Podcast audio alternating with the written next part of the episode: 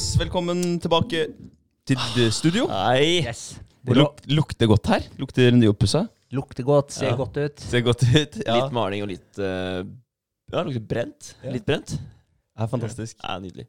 Det er det. Fornøyd. Ja, vi er veldig fornøyde. Ja. Så nå mangler vi bare noen uh, små, små ting til. Planter her og der og litt uh, ja, andre stoler og et teppe, så begynner det å bli ordentlig koselig. Da begynner det å ligne på noe. Ja, Ja. det gjør det. Det er bra. Eller det har begynt å ligne på noe. Da er det prikken over i-en. ja. Det er de der små stega Ja. man må ta. Ja, eh, har det vært bra med dere? Vi har, eh, jeg har gått inn i ferie, dere har gått ut av ferie. Ja, akkurat begynt på jobb igjen. Yes. Det er jo det er deilig, det òg. Det er jo det. Må sies det òg. Det er godt med ferie, men eh, det er deilig å komme tilbake til jobb og tenke at der, eh, ja, nå, nå begynner eh, hverdagen igjen. da. Mm, vi snakka Så- så vidt om det på forrige pod, det her med at ah, deilig å komme tilbake til rutiner igjen. Ja, Mm. det er veldig sant. Hvordan har rutinene vært i ferien? Har dere fått opprettholdt uh, rutinene? Har det vært uh, bra, liksom? Eller har det skeia helt ut? Eller har det vært midt imellom? Skeia litt ut uh, siste, siste uka mi. Det har det. Da, det er vel eneste uka jeg har hatt uh, sommerferien her hvor jeg faktisk har eh, vært litt, litt på reisefot, da, hvis man kan kalle det det. Vært en tur i Gøteborg og litt i Grebbestad. Mm. Så den uka har jeg skeia litt ut. Men uh, utenom det så har det gått uh, greit. Ja, jeg har så vidt uh, satt i gang med min eh, ferie, så ha, drøy uke inn. Um, ja, det har vært, eh, vært litt utskeiinger med tanke på, på mat og kos, da. Mm. Det har det. Eh, men ellers så Nei, tøyinga, vedlikeholdt og fått gjort det jeg skal. Ja. Og mye aktivitet, da, for vi har vært på, på en liten norgestur. Jeg og Ja. samboeren, eller eh, forloveden, da. Ja, grattis. Ja, da, gratulerer! Jo, Det jo. var Det er gøy. hyggelige nyheter. Ja, det er kult. Ja. Så um, eh, ja, jeg poppa spørsmålet på vei ned fra, fra et fjell som vi beseira, Saksa i eh, Sunnmørsalpene. Eh, på vei ned derfra. Så på Bentebu, en sånn en koselig liten gapahauk på, på vei ned der. Så det var veldig hyggelig, og hun sa jo ja. Så det var jo ekstra hyggelig. Da da. blir det ekstra hyggelig. Eh, jo, så det, det har egentlig vært uka mi. Masse aktivitet. Surfa på Hoddevika. Gått eh, en eh, tomilstur til Vettvika. Opp og ned helvetesstigninger. Og um, sykla Rallarvegen. Det er jo underkant av, nei, overkant av åtte mil. Oi. Ja, ikke sant? Ehm, så det også var en heftig opplevelse. Så Det gått er sterkt. par småturer. Vært på Brimi seter og spist noe som heter skråpåtå-tallerken. Ja. Det var også heftig. Det er det Hva er det? Altså, Har dere hørt om raclette? Nei. Nei, det er en sånn type Altså både en rett, eh, men også en type ost. Eh, og da er det osten som jeg sikter til, for det er egentlig litt inspirert av, av det. Dere har kanskje sett det på YouTube, sånn eh, Eller på en eller annen video et eller annet sted. En gif eller et eller annet. Eh, hvor man bruker eh, sånn eh, blowtorch, som vi har brukt på veggene her, til å Ja. varme opp ost, og så skraper man av den smelta osten over, over maten sin. Ja, det har jeg sett, faktisk. Ja. Ser helt nydelig ut. Ser nydelig ut. Ja, det var litt det samme der oppe. Så satt vi oppe på en låve på Brimi seter, og så eh, fikk vi ost ved siden av en sånn kullgrill som smelta av, og så skrapa vi av det på, på ulike typer eh, kjøtt og, og litt forskjellig. Da. Det var fire retters. Eh, veldig, veldig ålreit. Ah, digg, ja. To uh, bønder som, uh, som hosta, hosta oss. Det var et uh, fantastisk område. Kuene gikk fritt, og sauer og geiter og alt som var. ja. Det er litt sånn idyll. Ja, det er litt idyll. Ja. Eh, Men åssen var surfinga? Var det, var det Surfing? ålreit, eller? Det var helt rått. Det er, eh, det er morsomt. Altså, jeg trodde ikke det skulle være så morsomt. Jeg, jeg har jo skata før. Skata mye Mm. Uh, Når jeg var shitkid. Sånn tolv-ish. Da var jeg på min all time high med kickflips og ollies. Men uh, surfing det har jeg aldri gjort før, og tenkte liksom at ja, ja, det blir eh, det blir jo det det blir, det, på sånne små, små bølger i, i Norge. Eh, Du kan ikke se for seg at det blir noe særlig ut av det, men, men det var faktisk overraskende gøy. Og grunnen til det er nok fordi at du eh, er helt nybegynner, og så får du et kurs. Vi meldte oss på et eh, kurs som varte i tre timer, og så fikk vi beholde brettet etterpå og, så, og fortsette så lenge vi ønska, da. Eh, og, og jeg, grunnen til det er nok fordi at du går inn i noe og har ingen mestring i starten. Mm. Og så plutselig så begynner det å løsne, og så får du det litt, og så litt mer, og så litt mer, og så plutselig så får du én sånn perfekt eh, dropp på en, eh, en knekk, da, og, og får god fart ned, og så flytter du vekta litt fremover når du kommer nærmer deg slutten på, på bølja, da. Så, så føler du at du ah, Ok, nå, den der naila jeg. Det, det er kult. Når du først eh, setter den ene hvor du, du, du tar knekken, er litt bak på brettet. Det bør du være når du er på rett etter knekken på bølja. Og så flytter du deg, du sjøfler litt fremover da når du skal få litt mer fart på slutten av bølja. Mm. Det, det var fett. Fett. Du fikk til en sånn ordentlig run, altså. Ja, Kult. Ja, det var gøy. Ja, for jeg, jeg surfa, eller jeg var jo på en sånn surfeferie, egentlig, i Marokko. Ja, I stemmer det. surfeklubben studerte i utlandet. Men jeg syns det var så jævlig vanskelig. Jeg tenkte at der, eh, Når jeg waka mye og sånn, så tenkte jeg det her, det her må jeg jo klare fint, liksom. Mm. Men jeg syns det var sykt vanskelig. Så jeg fikk liksom aldri en sånn ordentlig eh, Jeg klarte bare å stå etter at bølja på en måte hadde smelt, da. Ja. Ja. Ja. Så, Oi, eh, men åssen bølger var det? Fordi det har veldig mye å si om Ja. du får newbie waves. For det tror jeg vi fikk. Vi fikk veldig veldig bra bølger. Det kom noen litt store innimellom, men det var ganske gode intervaller mellom dem. Og de var, de var snille, altså. Det, Ja. det var de. Ja, nei, altså Bølgene der i Marokko, de var eh, De var enten så var de små, Mm. sånn at de bare Hva heter det? Heter det at bølja slår, eller hva heter det for noe? Ja, Ja, det knekker er vel over. sikkert det. Ja. Knekker. Ja, knekker. Mm. Uh, så enten så knakk de veldig fort, sånn at du ikke fikk noe bølge å stå i, på en måte. Da sto du egentlig bare i den derre brusen. Mm. Og så Eller så var de så store at det var ekstremt vanskelig å time det. Mm. Sånn, for enten så tok bølja deg igjen, og så bare fløt du bak, rakk den ikke. Mm. Eller så kom du for langt frampå, og så ble du tippa over da, og fikk juling.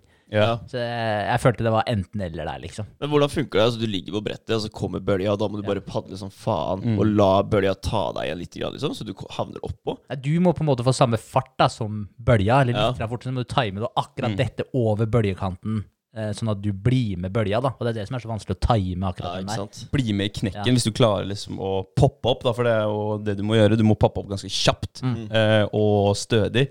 For tar du bare en burpee, så, så vil du sannsynligvis tryne. Du må jo stå stødig etterpå også. Ja.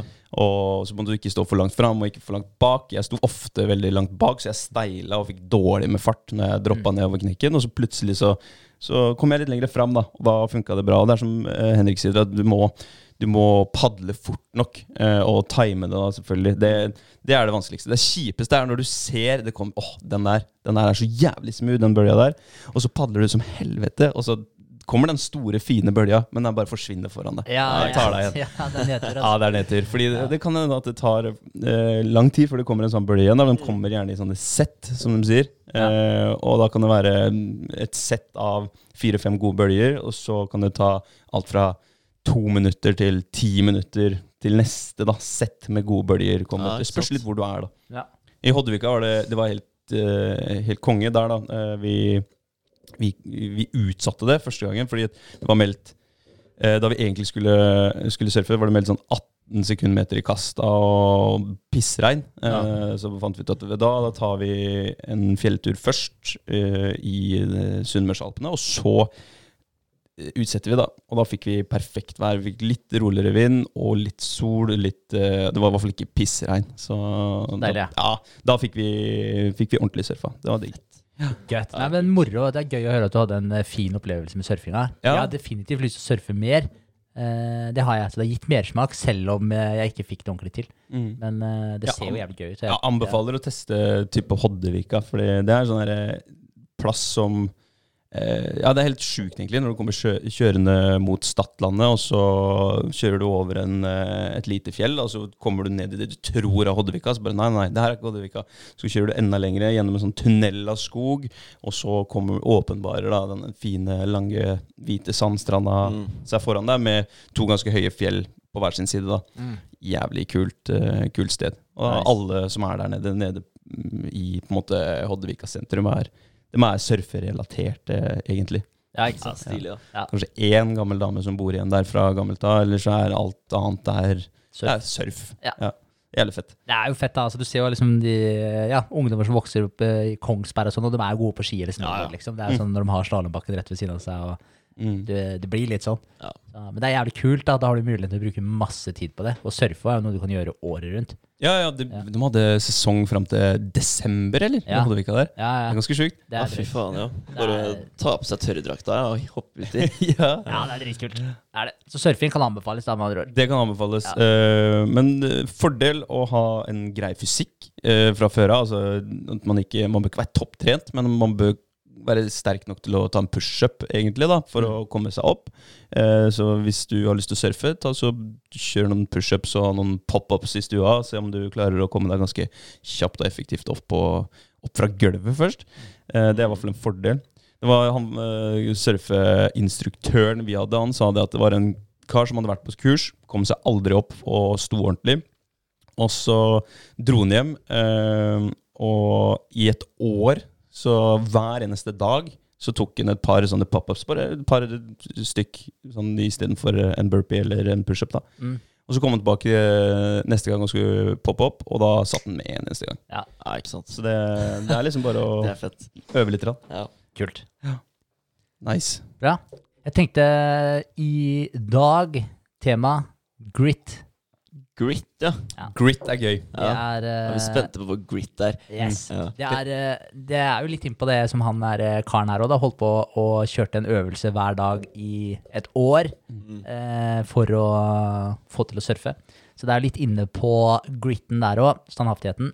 Men uh, det er ei som heter Ang Angela Duckworth, som, uh, som starta ferden sin i forhold til det med å finne ut hvorfor eh, folk lykkes, og hvorfor noen oppnår suksess. Og det er jo helt sykt mange som har prøvd å på en måte komme fram til den ene faktoren som gjør at noen oppnår suksess, og andre Knekker koden. Yes. Ja.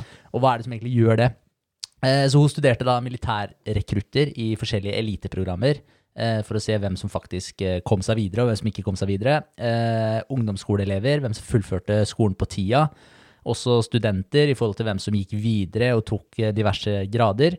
Eh, og så så på salgspersonell, eh, om hvem som eh, lykkes i salg, og hvem som ikke lykkes, eh, osv. Så, videre. så så titta på en måte på mange forskjellige typer grupperinger, eh, og ja, eh, yrker etc., for å, for å få et bredt eh, perspektiv, da, sånn at eh, det skulle den faktoren som hun kom fram til, da, den styrende faktoren, at den skulle på en måte gå igjen da, i alle disse gruppene, uh, uavhengig av hva du drev med. Uh, vanligvis så har man jo brukt uh, forskjellige sånn selektive prosesser for å finne ut, for å kartlegge hvordan folk presterer i forhold til IQ, talentene til folk, at du kan måle de forskjellige faktorene der. Pliktoppfyllenhet har jo vært en ting som har gått igjen mye, som er en god eh, Hva heter det for noe? Egenskap. Ja, definitivt, men en eh, god eh, predictor da, eh, for suksess. Altså Ja, at du er. Det er den som liksom har vært gjeldende fram til nå, holdt jeg på å si. Ja, altså det er hvert fall Den er én av de, men Ja. det er på en måte ikke helt konkret. Det er på en måte én av de faktorene som er med å spille en rolle. Da. For er du pliktoppfyllende, så, så gjør du jo de tinga du må gjøre. Og det er jo en eh, god predictor da, for at du faktisk oppnår de resultatene som du ønsker å oppnå. Ja. Eh, så, så den har på en måte vært eh, kjent sånn sett. Eh, men de, eller de eh, eh, hva heter det for noe, de aspektene der, da, de har på en måte vært eh, suksesskriterier tidligere. da. Mm.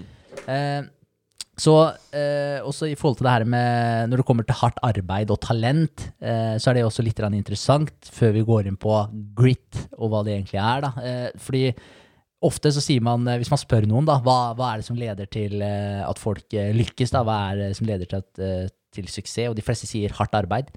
Eh, og mener at det er hardt arbeid og ikke talent. Så at hardt arbeid slår talent. Mm. Men det som er litt interessant, da, det er at de fleste sier det, men hvis du faktisk eh, blir eh, målt på det, så er oddsa mye større for at du faktisk tror det er talent som gjør at folk lykkes. Så innerst inne, da, du sier kognitivt Ja, ja. at du mener at det er hardt arbeid, men innerst inne da, så tenker du egentlig at det er talent Mm. som er den drivende faktoren. Ja. Er det en sånn uh, Hva skal vi si En um, utvei? Er det en, liksom for seg sjøl? At man uh, tenker at uh, det, er, det er talent. Han har bare talentet, så jeg kunne aldri ha oppnådd det. Da blir det en sånn uh, hvilepute, da. Ja. Mm. Ja, ja, jeg Men tror hardt arbeid det blir jo talent, da. Ja, etter hvert. Ja, det gjør jo det. Definitivt. Ja. Eh, det er, eh, men i hvert fall 66% som blir spurt, de sier at de tror at det er hardt arbeid. Men casen er jo ikke sant, når den andre personen får den forfremmelsen som du har lett etter, eller den tredje businessen din feiler, tror du fortsatt da at det er hardt arbeid og ikke talent som gjelder? Og det er jo det som er greia når du virkelig blir satt på prøve, da. Så er det som du sier, André, da er det lett å være Nei, det var eh, ja, et eller annet naturtalent eller whatever. da. Mm. Lett å skylde på det.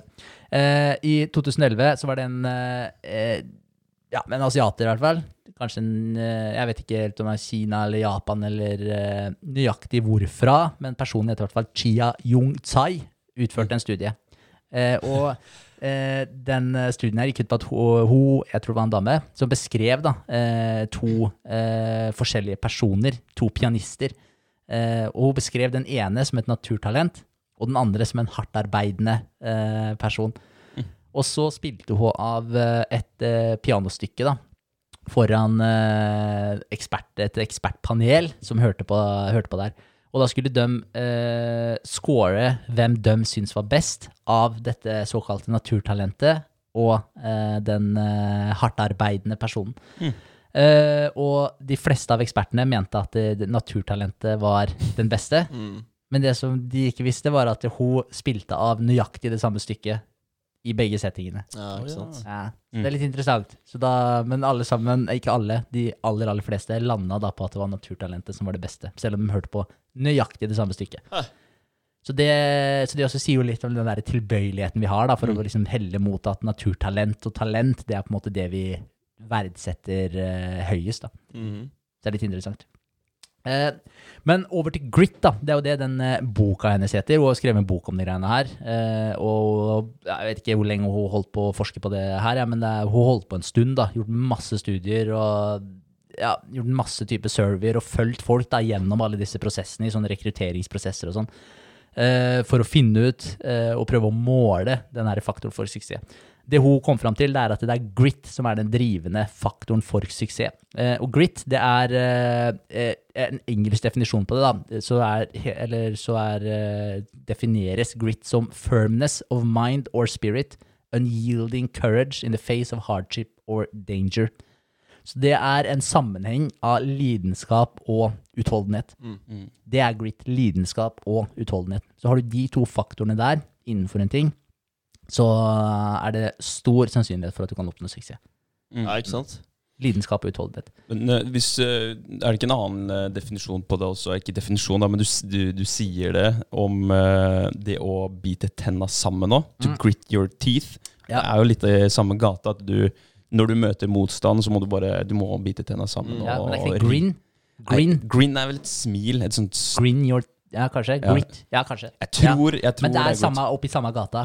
Bite tenna sammen, stå i det. Det er jo utholdenhet det går på. Mm. Ja, så det er eh, oppi samme gata. Ja, ja. Men uh, vi blir jævlig suksessrike, vi, da. Vi sitter jo Ja. her eh, klokka åtte på morgenen og kjører podkast på en onsdag nå, så Ja, det er sant, det. Bare for å få den episoden ut denne uka her, ikke sant. Så Ja, vi kunne valgt å gi faen, men vi gjør ikke det. Nei, Det er et uh, veldig godt poeng, Vegard. Jeg skal- føler vi er på riktig vei. Vi er på riktig vei. Vi skal ikke breake den kombo... Hva heter det? Den uh, Streaken. streaken. Ja, ja, det er viktig. Eh, det som er eh, det, eh, det er en veldig optimistisk greie, det, det her med grit. Fordi grit kan utvikles. Så det er ikke sånn at enten har du grit, eller så har du ikke grit. Eh, og uh, researchen hennes da, den foreslår at det er fire psykologiske ressurser man kan kalle det det, som ligger bak grit. da. Den første er interesse, den andre er praktisere, den tredje er mening, og den fjerde er håp. Ok. Så, så det er interesse, praktisering, mening og håp. Eh, og alle de her kan utvikles for å da utvikle gritten din. Eh, hvis vi starter med den første, da, interessen, så handler det om å rett og slett like det du gjør. Eh, og det er jo åpenbart så er jo det viktig. Eh, til å begynne med så lærer og praktiserer som regel eh, mennesker ting for moro skyld, og ikke for å utvikle en sånn livslang karriere ut av det. Så man starter ofte når en ting fatter interessen din, så er det ofte fordi du syns det er gøy, da. Eh, og da starter du å bruke mye tid på det, og så blir man som regel god på den tingen man bruker mye tid på. Men det starter jo med en slags interesse der. Eh, så, eh, men det du også kan gjøre, da, om du ikke har en sterk interesse per nå, så må du bruke litt tid på å utforske og prøve nye ting og finne ut hva det er du faktisk liker å drive med. For det, for det er jo en ting som eh, man fort kan gjøre, at man havner i et eller annet mønster. da, Sånn som nå har du surfa. da. Har du, har du surfa før? Første Aldri. gangen? Ikke sant? Ja, Og du syns det er dritfett. Tenk deg hvor mange ting man ikke har prøvd, da, som man syns er dritkult, Mm. men så har man bare aldri prøvd det, så man vet egentlig ikke at man liker det. Det, er sånn der, altså, det er så mange ting som man blir påvirka når det kommer til interesser, hobbyer osv. Brått så slo padel an, ikke sant, padeltennis.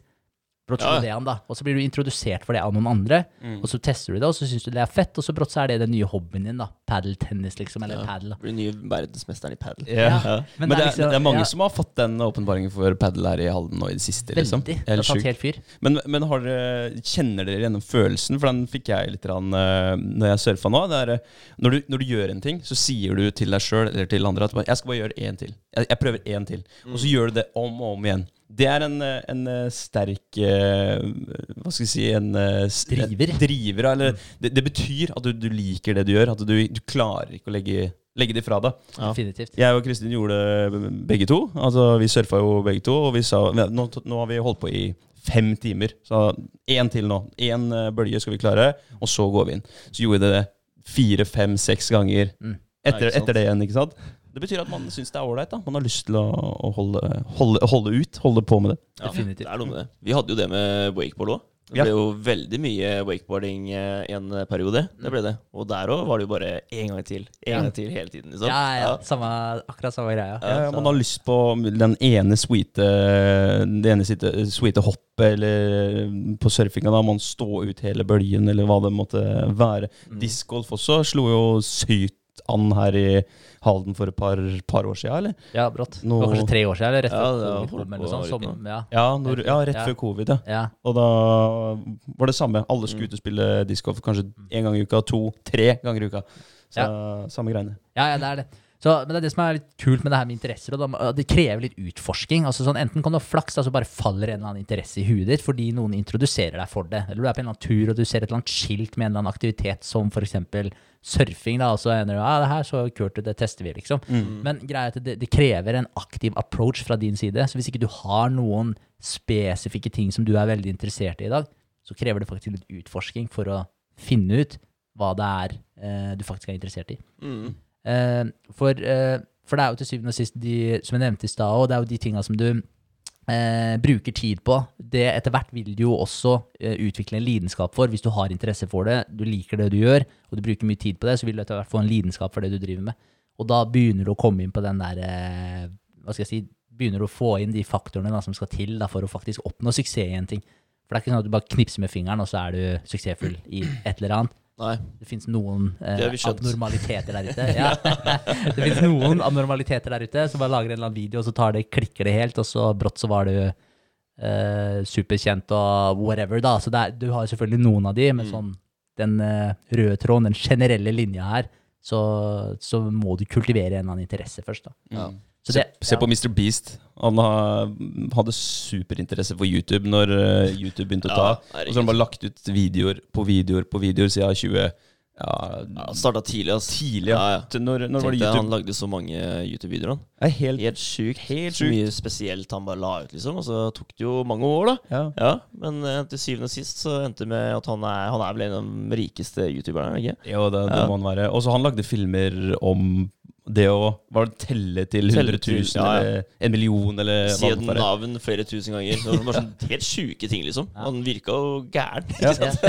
Men han produserte, da, produserte og ble god på å edite og, og finne ut av hva folk faktisk trykka på på YouTube. Uh, det er ganske Jeg tenker det, det må jo være enda verre hvis du lager en video, og den bare blåser opp over natta, da. Og så sitter du der og blitt eh, kjempekjent ikke sant, på grunn av videoen. Jeg tenker at Da får du lett den der følelsen at OK, hva, hva, hva er neste nå? Ja. Ja, Hva, hva skal jeg gjøre nå, liksom? Ja. Ja. Og da kan det jo også være Jeg tenker jo en ulempe med det også er jo at der, eh, den videoen som først ble lagt ut da, Mm. av det her, det er jo sikkert en eh, Enten kan det ha vært en ting du drev med som du virkelig hadde interesse for og hadde flaks at det var det som tok fyr, da. Men ofte så er det kanskje ikke det. Eh, og da blir du jo nødt til å på en måte dyrke kanskje den tingen der litt videre, da, som du egentlig kanskje ikke har lyst til å drive med. For det er det du faktisk blir kjent for i utgangspunktet. Så Ja, er det kanskje like sant. mye folk rundt som driver det du gjør, enn det at du faktisk driver det du gjør, da, Ja. videre. det ikke er din interesse, så kan det bli hardt å jobbe med Ja. framover. Ja, jeg tenker det. Ja. Så ja. Så det er kanskje ikke Jeg vet ikke. Det er kanskje greit at det tar litt tid. Ja, det tror jeg. ja. Men det er fascinerende det der med Mr. Beast, da, for det er jo akkurat det det går på. Han også, som dere er inne på, han starta med en interesse, han interesse for YouTube, starta der og bare jobba videre med det. Og nå er han jo lidenskapelig opptatt av det han driver med. Mm. Men det er en gjenganger, da. Altså, jeg ser det de fleste podkastene jeg hører på, eh, eller ser på, da eh, Jeg ser jo som regel på YouTube. eh, Og da, da, da ser jeg alle de personene som, som er så suksessrike, da. Og hver gang, da, eller som regel, altså, så får jeg liksom vite da at ok, han har faktisk gjort det han gjør i ekstremt mange år. Ikke sant? Det har tatt han mange år å komme dit han er. Ja, og så sitter jeg i dag og ser på han og tenker hvordan ble han så rik, liksom? Så Mm. fort, da. Men han, det gjorde ikke det. Det tok jo sikkert 10-12 år ikke sant, for han å komme dit. Mm. Så sånn er det for de fleste. Altså. Ja, men det er det. Ja. Men, men det, er, det som er så fascinerende med det òg, er at det, når det først slår an, da, så har du ofte den der eksponentielle veksten. Mm. Så det bare bygger seg på. Det er jo starten, det derre valley of disappointment som du eh, viste, André. Mm. Eh, og når du først tar av da, så tar du virkelig av også. Og da tenker alle å, overnight success. Ja, Mm. det Det er så sant. ja, det er så fort gjort å ha, uh, hoppe over til den. Mm. Fordi man har aldri sett alt det der greiene som var i Talent, tenker de da. talent. ja, ja. det er akkurat det de tenker. Ja. Ja. sett da, liksom. Nei. Nei, men man, man ser jo gjerne ikke det der eh, slitearbeidet, slavearbeidet man har gjort før man ble kjent, eller før man ble eh, suksessrik på en eller annen måte. Man Mm. ser ikke eh, hva skal vi si, fundamentet, da, grunnarbeidet som har blitt lagt ned. Man ser bare det som, Ja. det som ble, Man ser ble at, eh, man ser ikke Ja. at man har stått på sommerens varmeste dag og brent spiler, liksom, for å, for å dekorere podrommet. Nei, det er veldig sant. Veldig sant. Uh, det, er, uh, det er litt interessant. Altså, jeg tenkte jo, I forhold til den definisjonen på suksess, da, det liker jeg veldig vi snakka om for kjempelenge siden, den til Earl Nightingale. Mm. Den progressive realiseringen av et verdig ideal. ja. Ja. Og, det, og jeg liker veldig godt den definisjonen, fordi det, er ikke sånn, det handler ikke om eh, eh, materialistiske ting, det handler ikke om penger, det handler ikke om en eller annen fysisk eh, egenskap. Det er rett og slett det at du har satt deg et verdig mål, da, et eller annet ideal som du prøver å leve opp til.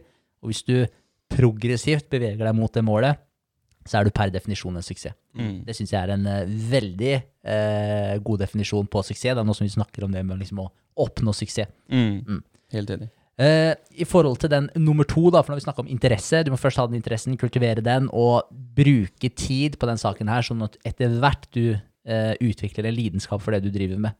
Men det starter med som sagt, en søken etter den interessen, og hvis du allerede har en interesse, ok, hva gjør du med den, hvor mye tid bruker du på det, osv., og hva ønsker du å oppnå med den interessen her. Eh, Den andre tingen det er å praktisere, så du må ha fokus på forbedring uansett hva, og så ikke nødvendigvis bare jobbe beinhardt, men også jobbe smart. Sånn at du bruker tida di litt effektivt. Mm. Eh, For det er ikke Ja, det vet man jo, men det går jo igjen i det aller, aller meste man driver med. Altså, det er ikke alltid bare hardt arbeid som er eh, løsningen. Altså, har du de riktige verktøya, eksempel, så går jobben som regel dobbelt så lett, om ikke enda lettere også. Så det er viktig å tenke litt på måten man jobber på også. Mm. Men det, det, kan ta, det kan ta veldig lang tid eh, i starten, når man først eh, begynner med en ting da, som, er, eh, som er ukjent. Mm. Så, så kan du sitte der og trykke, ordne og styre lenge før du faktisk Før det går opp for deg. da At du, ok, jeg kan gjøre det på den måten her.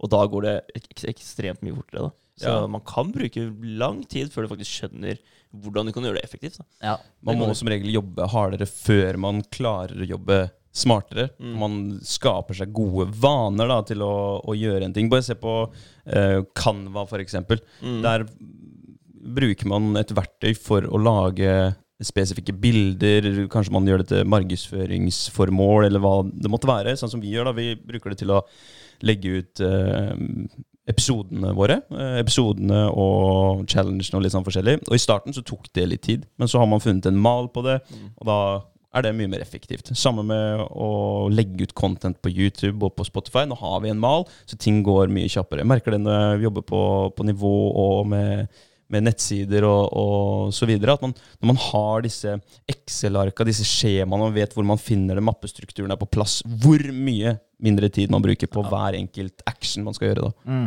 Så det er, eh, det er helt, eh, helt eh, enig med deg, Vegard, at det, i starten så kreves det mye energi. Ja, det gjør det. Og så får man mer energieffektivitet etter hvert som man har systemene på plass, og man har, har erfaringen da, definitivt. i bånn. Veldig gode poenger.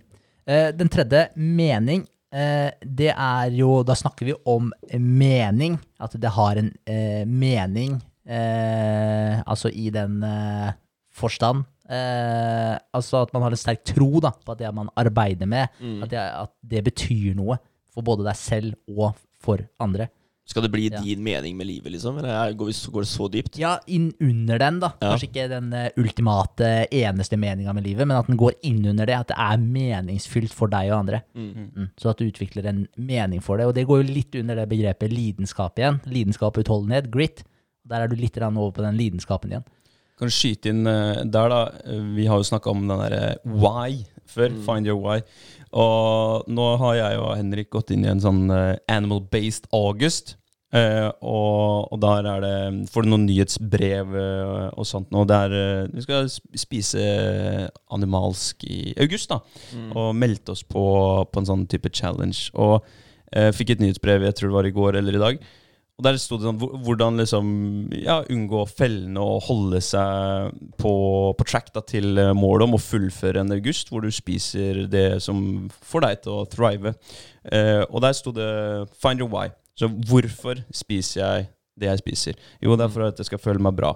Hvorfor skal jeg føle meg bra? Jo, det er fordi at eh, da har jeg overskudd til å være ute sammen med familien min, vennene mine. Hvorfor skal jeg være ute sammen med familien min og vennene mine? Jo, fordi vennene mine gir meg glede, familien min gir meg kjærlighet, og jeg eh, liker å være sammen med dem. Hvorfor eh, trenger jeg kjærlighet i livet mitt, osv., osv. Så, videre. Mm. så da finner du begrunnelsen til at du gjør en ting, og da Det er jo kanskje lidenskapen din, da. Du klarer å, å em, trekke litt eh, i, nærmere mot, eller trekke paralleller til. Mm. Så jeg tenker at hvis du eh, gjør det med alle ting du føler krever noe av deg, at du tar den prosessen der, skriver det ned, så det blir litt åpenbart Mm. eh, hvorfor du strever med det du strever med. Ja, Da er det enda enklere å holde fast på det, og ikke, ikke gi seg, da. Ikke rett og slett. Ja.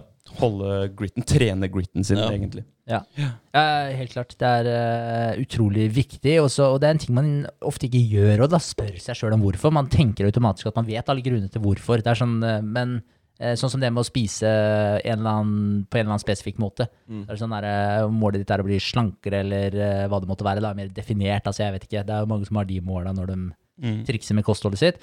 Eller man har lyst til å bli eh, kvitt en eller annen sykdom. Hvis du har lyst til å bli kvitt en eller annen sykdom, så har du en ganske god grunn allerede der. Mm. Men hvis du bare har lyst til å bli litt mer definert, så er det ikke sikkert at motivasjonen er nok, eh, stor nok for det. Men hvis du da, som du sier, da, går ned i dybden på hvorfor vil du det, hvorfor, hvorfor det, hvorfor det, hvorfor det, Ja, hva er viktig med å bli definert for deg, på en måte? Mm. Ja. og da kommer det til slutt på et, at det- er en ganske viktig greie for deg. Mm. At det, ikke, det har ikke bare med at du har lyst til å se bra ut, men av hvordan du føler deg å gjøre, hvordan du behandler de rundt deg å gjøre. Mm. Altså, du kan grave veldig dypt, da, og da Mm. får du stor motivasjon til å fortsette med det. Og det trekker jo direkte inn til mening. Da har det en mening for deg, hvis du vet hvorfor du gjør det. Definitivt. Så det er et veldig, veldig godt poeng. Eh, og, men eh, det som også er viktig å tenke på, det er, det er den der meningsfylte følelsen. Da. Ofte når du driver med den der eh, interessen din, den hobbyen som du har begynt med, du har funnet en ting du liker, du bruker mye tid på det osv., så, så tar det litt tid før du utvikler at det her nødvendigvis kanskje gir veldig mye mening for deg. Som på sikt da, så vil det kan ta flere år før den, den effekten av det kommer. Mm. Se for deg Mr. Beast igjen, da, for eksempel. Han drev jo loka rundt på YouTube i mange mange år. ikke sant? Mm. Og så på et eller annet tidspunkt så ble det her en veldig meningsfull greie. I starten kanskje det bare var en interesse som han drev og kultiverte, og syntes det var gøy å holde på med osv. Mens nå har det blitt en, nå har han mye mer lidenskap for det, og nå har det blitt kanskje mer mening, for nå er han med faktisk og kanskje påvirker mange mennesker. Han tjener mye spenn som han kan gi til veldedighet, bruke det på gode ting, og så det har fått en veldig stor mening for Mm. han. Ja, ja, Så, men det tar tid, da. Mm. Ofte. Det er ikke sånn at du bare på dag én så begynner du med en eller annen uh, greie, og så er det meningsfylt med en gang. Men det er veldig viktig det som du sier, da, at du kan faktisk gå ned i dybden her og prøve å finne ut hvorfor du faktisk driver med det her. Mm. Starte der, og da har du litt mening allerede der. Mm. Så det Nice. gode tips. Ja. Uh, håp, det er den uh, fjerde og siste kategorien da, som det, som det deles opp i. Og det er å tro at du kan få til det du prøver på, og løse problemene som dukker, dukker opp. Eh, og håpet det går jo hånd i hånd med alle de tre komponentene eh, som jeg nevnte tidligere. Eh, og det bestemmer også hvordan du responderer når du feiler. Og så gir du opp, eller reiser du deg igjen og pusher videre. Mm. Så det håpet om eh, at du får til det du prøver på, eh, det går jo inn på den der interessesaken, praktiseringa, meninga eh, og håpet til slutt. Eh, så den er også veldig viktig, da. At du rett og slett har troa på deg sjøl. Ja. Eh, og at du forteller deg sjøl. Altså da har du igjen litt den der indre dialogen, da, hvordan den eh, foregår. Hun hadde prata om eh, noen sånne eh, var det, Nå husker jeg ikke om det var hun, eller om det var et annet sted jeg hørte det, men det var et annet sted jeg hørte det. Det var en lyd- lydbok. Eh, det var salgsfolk. Eh, hvilken historie de forteller seg sjøl. Suksessfulle, suksessrike salgsfolk. De, eh, før de ringer og skal selge noe, så eh, visualiserer de og ser for seg den forrige gangen de hadde et eh, eh, lykkes da med et salg. Mm. Mens de dårlige salgsfolka, de ser ofte for seg og visualiserer den forrige gangen det gikk til helvete med salget deres. ja, ikke sant. Så, så det er den historien du forteller deg sjøl. Ja, selvtilliten bare knekker ja, før, de, eh, før de tar opp eh, røret. Ja. Ja. Så, så den der indre dialogen, at du har troa på det du gjør, og at, du, at dialogen din også er i tråd med det, da, så du hjelper å motivere deg sjøl også. For det forteller du deg sjøl, det her går ikke, og alle grunner til hvorfor du kommer til å feile, så skal jeg love deg at du kommer til å feile. også. Så den indre dialogen er ekstremt viktig. Ja. Eh, også, eh, så det er de fire, fire tinga, de fire stega på en måte, da, for å, for å utvikle gritten din. Start med interessen. Start med å praktisere interessen. Så kommer meninga etter hvert, og så må du ha troa på det du driver med for å komme i mål. Mm. Eh. Og, og apropos mål da, og håp, så, så det her med å sette seg et mål og, og altså se etter det målet, og visualisere seg det målet, det er litt morsomt, fordi jeg, jeg hørte en, eh, en dame eh, som heter Emily Jeg må jukse litt, jeg har henne på, på googeren min her. Emily Balchettis, sosialpsykolog. Um, om det å sette seg mål, og hvordan man skal se på måla. For det er faktisk det du gjør. da Du, du ser oppi hjernen din, så visualiserer du deg alltid en eller annen form for eh, Sånn som vi har snakka om tidligere, fjelltopp eller en stige eller Altså, det er et eller annet sted der borte. Det er langt vekk, som regel. Uh, og hvordan man skal best mulig komme seg til, uh, til målet sitt. Så det å være litt eh, bevisst på det, at man kanskje ikke tar den der fjelltoppen som er så jævlig langt unna, for da vil du alltid ha den der følelsen om at det Å, fy faen, det er langt igjen, ass. At du, vi har jo milepæler, som vi har snakka om. Sette deg noen delmål. Men også kanskje det hovedmålet ditt òg. Ikke se på det fjell... Det, ikke se på Mount Everest, ikke se, men se et litt mindre fjell som er mer Altså lettere for deg å beseire, da. Mm. Og, og at det, vårt syn på ting, hvordan vi ser, det er, hvordan vi, det er vår første sans på å eh, klare å overleve i verden. For oss som ikke er blinde, da. Er du blind, så må du bruke andre sanser. Men for oss som har øya og har synet i behold, så er det den sansen som tar oss gjennom livet sånn eh, på generelt sett. Så hvis vi klarer å, å liksom kone eller fokusere oss på det målet, og ikke sette det altfor langt vekk. Ikke være Altså føle at det blir håpløst. Så er det en, en fordel. Og så er det noe med det at vi kommer gjerne med tips om at man skal lage masse Post-it-lapper om å sette, skrive ting man skal gjøre, ting man skal huske på eh, rundt i kanskje boligen sin. Ja, det er fint det. I starten så får du øya opp for at det her må du begynne med, men etter hvert det har vi sikkert mm, kjent på flere, ved flere anledninger, at du, du ser deg blind på ting. At ting i ditt nærmiljø, umiddelbare miljø, blir du eh, vane med da, å ha i nærheten av deg. Mm. Så ting som du en gang syntes var åh, det bildet på veggen her, det var dritfint i leiligheten din. Det blir veldig naturlig for deg at det er i leiligheten din, og så tenker du ikke så mye på det etter hvert. Så at man er mer bevisst på visualiseringa si enn at man eh, Altså hvordan man visualiserer seg målet. At man tenker ofte på det. Hvor er det plassert, og hvordan ser det ut? Mm. Bruke øya sine oppi hodet. Og så kanskje ikke så mye Post-it notes Ja. i starten. Veldig bra, men du, det krever mye å holde det, holde det gående. Krever mindre å jobbe med, med synet sitt her oppe. Ja, Og ikke minst visualisere at du allerede er der, kanskje. Mm. Kjenne på følelsen av at du faktisk har kommet dit. da For å bli litt vane med den. Ja, det tror, Ja. jeg, tror jeg også er veldig viktig, det dere, det dere begge to sier. Eh, Det er, eh, når du visualiserer målet ditt også, og ser det for deg, så, så vil du automatisk eh, begynne å se ting som leder deg mot akkurat det målet der også. Så, så du hjelper jo deg sjøl. Altså, du gir deg 'det er her jeg vil være', og ser for deg at du faktisk er der. Eh, så vil eh, hjernen din også Gjerne. Eh, gjerne. gjerne til en kaffekopp eh, til dere som hører på.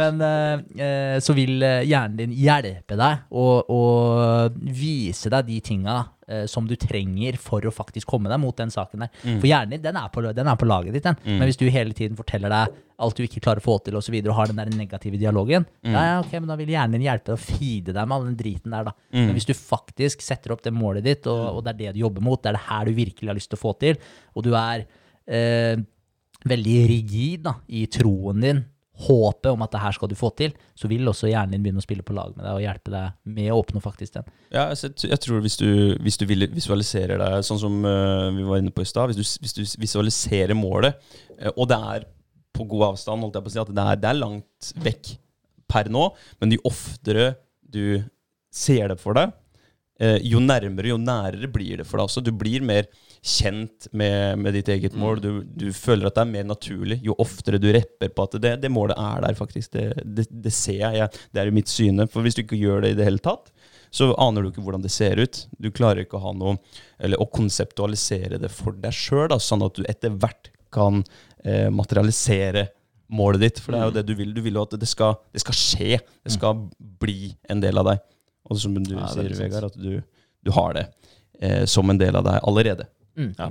Det er eh, akkurat som vi har snakka om tidligere, som du snakker om nå, og som også Angela Duckworth eh, skrev i boka si også, det var at der, eh, du må ha et stort overordna mål, en visjon for hvor du har lyst til å ta deg sjøl, og så må du bryte ned det i eh, små steg, sånn at du skaper sånne små wins for deg sjøl, og for å holde motivasjonen oppe.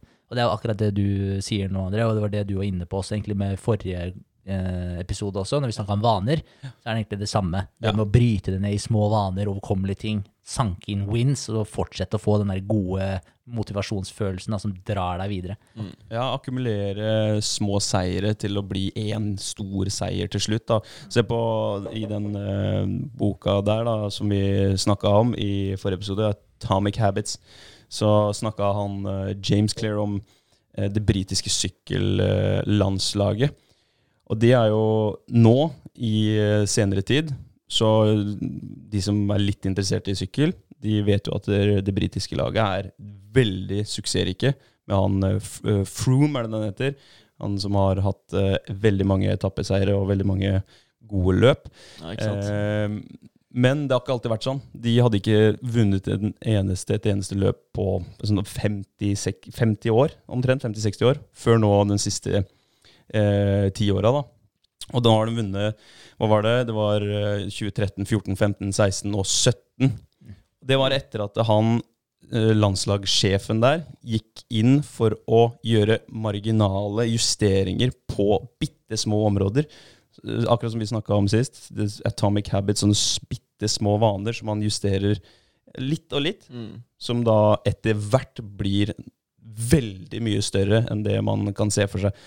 Så da, da var han nede på uh, nivå hvor han bytta ut uh, dressene deres med, med lettere dresser som hadde mindre luftmotstand. De brukte en annen type uh, altså kjedesmurning. De steriliserte romma de var på for å mm, minske risikoen for å bli, for å bli syk. Uh, De bytta ut massørene med andre massører som hadde andre teknikker. Sånne småting som man ikke tenker på. Det var ikke sånn at der treningsregimet ble helt snudd opp ned. Men det, de satte seg sjøl opp for å vinne da, på alle de små områdene som de kunne påvirke der og da. Så det er ganske kult. Er, Bruke sånne bitte små justeringer. ja, ja, for det er, det er så kult. Man tenker ikke på den der eh, akkumuleringa av, uh, av alle de der små justeringene. For det er jo den man er uh, ute etter. Og du ser jo resultatet òg, når de da vinner fire-fem år på rad. Så, så åpenbart så, så har de der små tinga veldig, veldig mye å si. Yeah. Uh, uh, hun, uh, det var en veldig, et veldig interessant punkt til som jeg har lyst til å ta med i forhold til eh, hun eh, Angela, Angela Duckworth. Det som hun fant ut, for hun fant på en måte to ligninger da, eh, for eh, å oppnå suksess i forhold til hvordan eh, det her med innsats, eh, hvor stor rolle innsatsen din eh, spiller. Eh, og det hun sa, det var at der, eh, talent Altså, alle har jo et talent. Om du er talentløs, det er jo et uh, uttrykk som går igjen. Du er ikke talentløs, men du har jo, du har jo et snev av et talent. Altså, altså, det er jo aldri at du, Det er ikke null, om du skjønner hva jeg mener. da. Mm. Så er du talentløs, kanskje du har 2 eh, skills i det. Jeg vet ikke. Mm. Men anyways, så du har talent ganger med effort. Det blir en evne eller en skill. Mm. Ikke sant? Så uansett hva du øver på, så lenge du putter inn innsatsen med å eh, øve på den saken, så vil du bli bedre inn. Og fra det talentet som du da hadde eller ikke hadde, så vil du utvikle en evne eller en skill. Og det hun også sa, det var at hvis du tar den evnen som du da utvikla, eller den skillen, og legger på mer effort med den evnen eller den skillen, så vil du oppnå et resultat. Mm. Ikke sant? Så, så da har du på en måte to ligninger. ikke sant? Du har talentet eh, ganger effort. Det blir da skillen. Og så har du skillen ganger effort, som da er eh, oppnåelsen, da. Mm. Eh, resultatet. Og det viser jo at hvis man, eh, for de som er litt eh, glad i matte, da, så hvis du gjør om litt på den ligninga her, eh, så vil du egentlig få eh, eh, Da vil du få talent eh, Jeg mener skill ganger effort i annen vil gi resultatet ditt. Så, eh, så effort counts twice, da, som hun sier. Så innsatsen din den teller ekstremt mye, hvor mye innsats du faktisk legger i den tingen her. For den vil den har en eksponentiell effekt av den her innsatsen, for den teller både på utvikling av talentet ditt, men den teller også på bruken av talentet ditt for å oppnå resultatet. Så at effort er et ekstremt viktig komponent da, i det å lykkes i noe. Og det er også en motiverende greie, for det betyr jo at eh, du kan gå fra å ikke ha så mye talent i en ting, men legger du inn innsatsen, så vil du utvikle det. Over tid så vil det her ha en eksponentiell effekt som vil hjelpe deg drastisk mot å oppnå resultatet eller det målet du streber etter. Ja. Så det også er jo Den er jo Jeg syns jo det er veldig kult, akkurat det punktet der òg. effort counts twice. Ja, ja, fordi det, det er jo noe vi har fullstendig kontroll over. Det er efforten vår. Talentet som er iboende ifødt, det får du ikke styrt. Altså Genemanuskriptet ditt, det er skrevet, men du kan gjøre noe med det. Mm. Vi kan eh, påvirke med å gjøre ting, da. Kan gjøre det bedre. Mm, kan Ja. gjøre det bedre. Helt klart. Så, og, og der har du også litt tilbake til de her eh, testene som hun også gjorde i, i, eh, til å begynne med, eh, når du sjekka disse rekrutteringsprosessene i sånne eliteprogrammer i militæret og sånn òg. Mm. Hvor sinnssykt harde eh, programmer de går igjennom. da. Det er jo helt brutalt. ikke sant? Det varer over mange, mange uker. Eh, og da var spørsmålet Fordi du kan jo se en person som ser ut som er i ekstremt god form. da, Masse muskler, har ikke et gram fett på kroppen. Og du tenker bare ok, den personen her må jo være beinhard. Eh, og så har du kanskje en eller annen høy, spinkel slabbedask borti hjørnet der, da, som bare ikke ser ut som han får til noen verdens ting.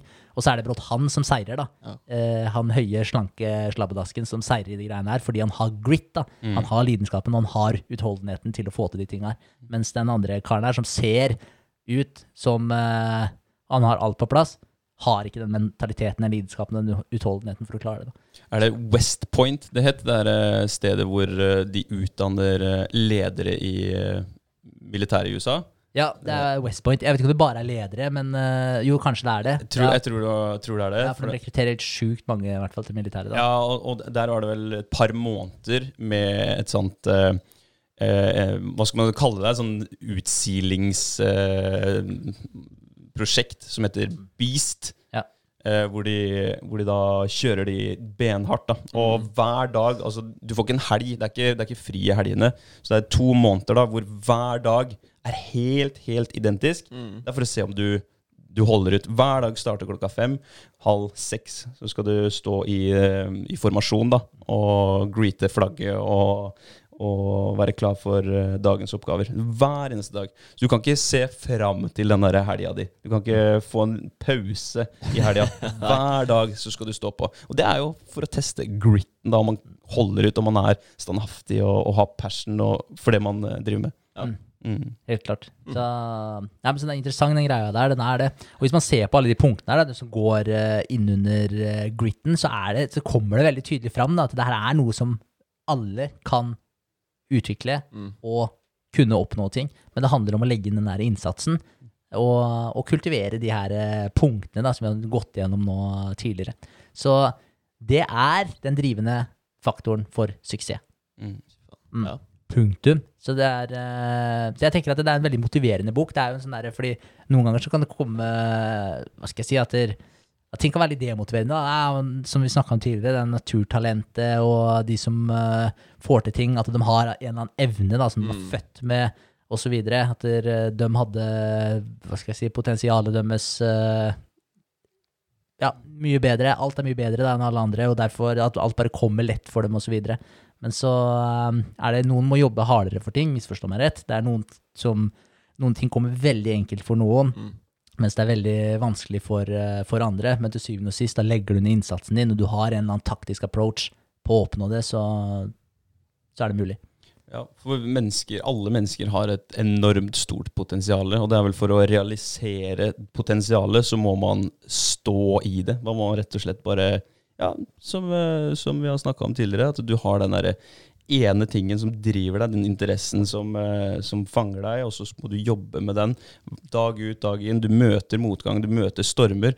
Og da, da er det de som i den stormen da, detter over ende eller, eh, eller gir seg, de, de gir seg. Men det er de Mm. som står igjen etter at stormen har vært der, eh, som seirer. Som ja. får kanskje fylt potensialet sitt. da. Vi har et enormt stort potensial, alle sammen. Det er en ganske vill syke da du, du har når du har jobba med noe i x antall år, og så går det ikke.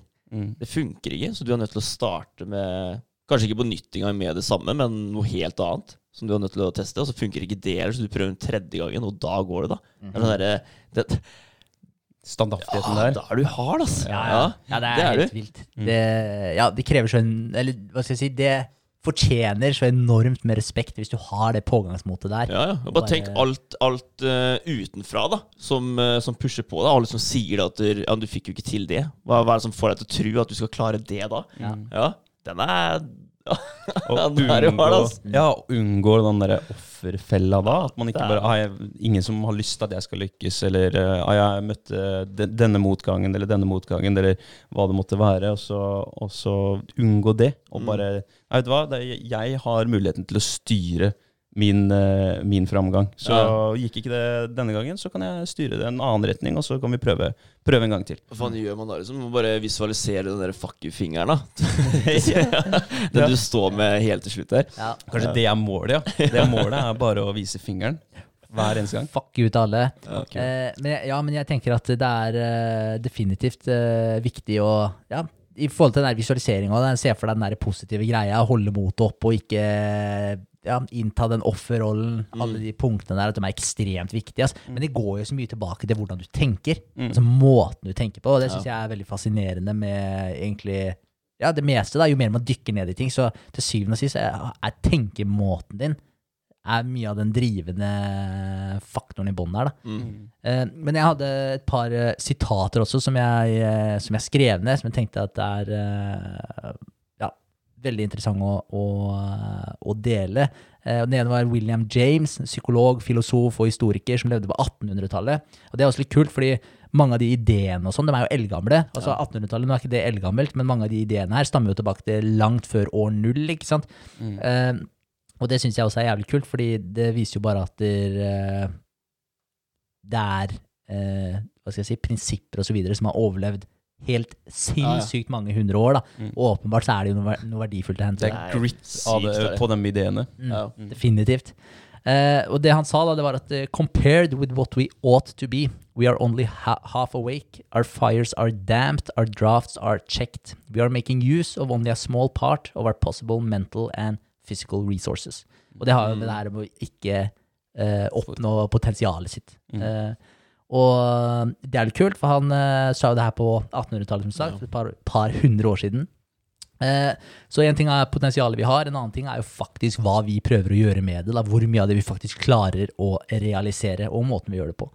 Eh, den andre, det andre sitatet da, det kom fra en som heter Dan Chambliss, eh, en sosiolog, eh, og han skrev masse bøker og bemerka seg en eh, studie som han utførte på konkurransesvømmere. Og det er også en utrolig kul bemerkelse som han gjorde, da.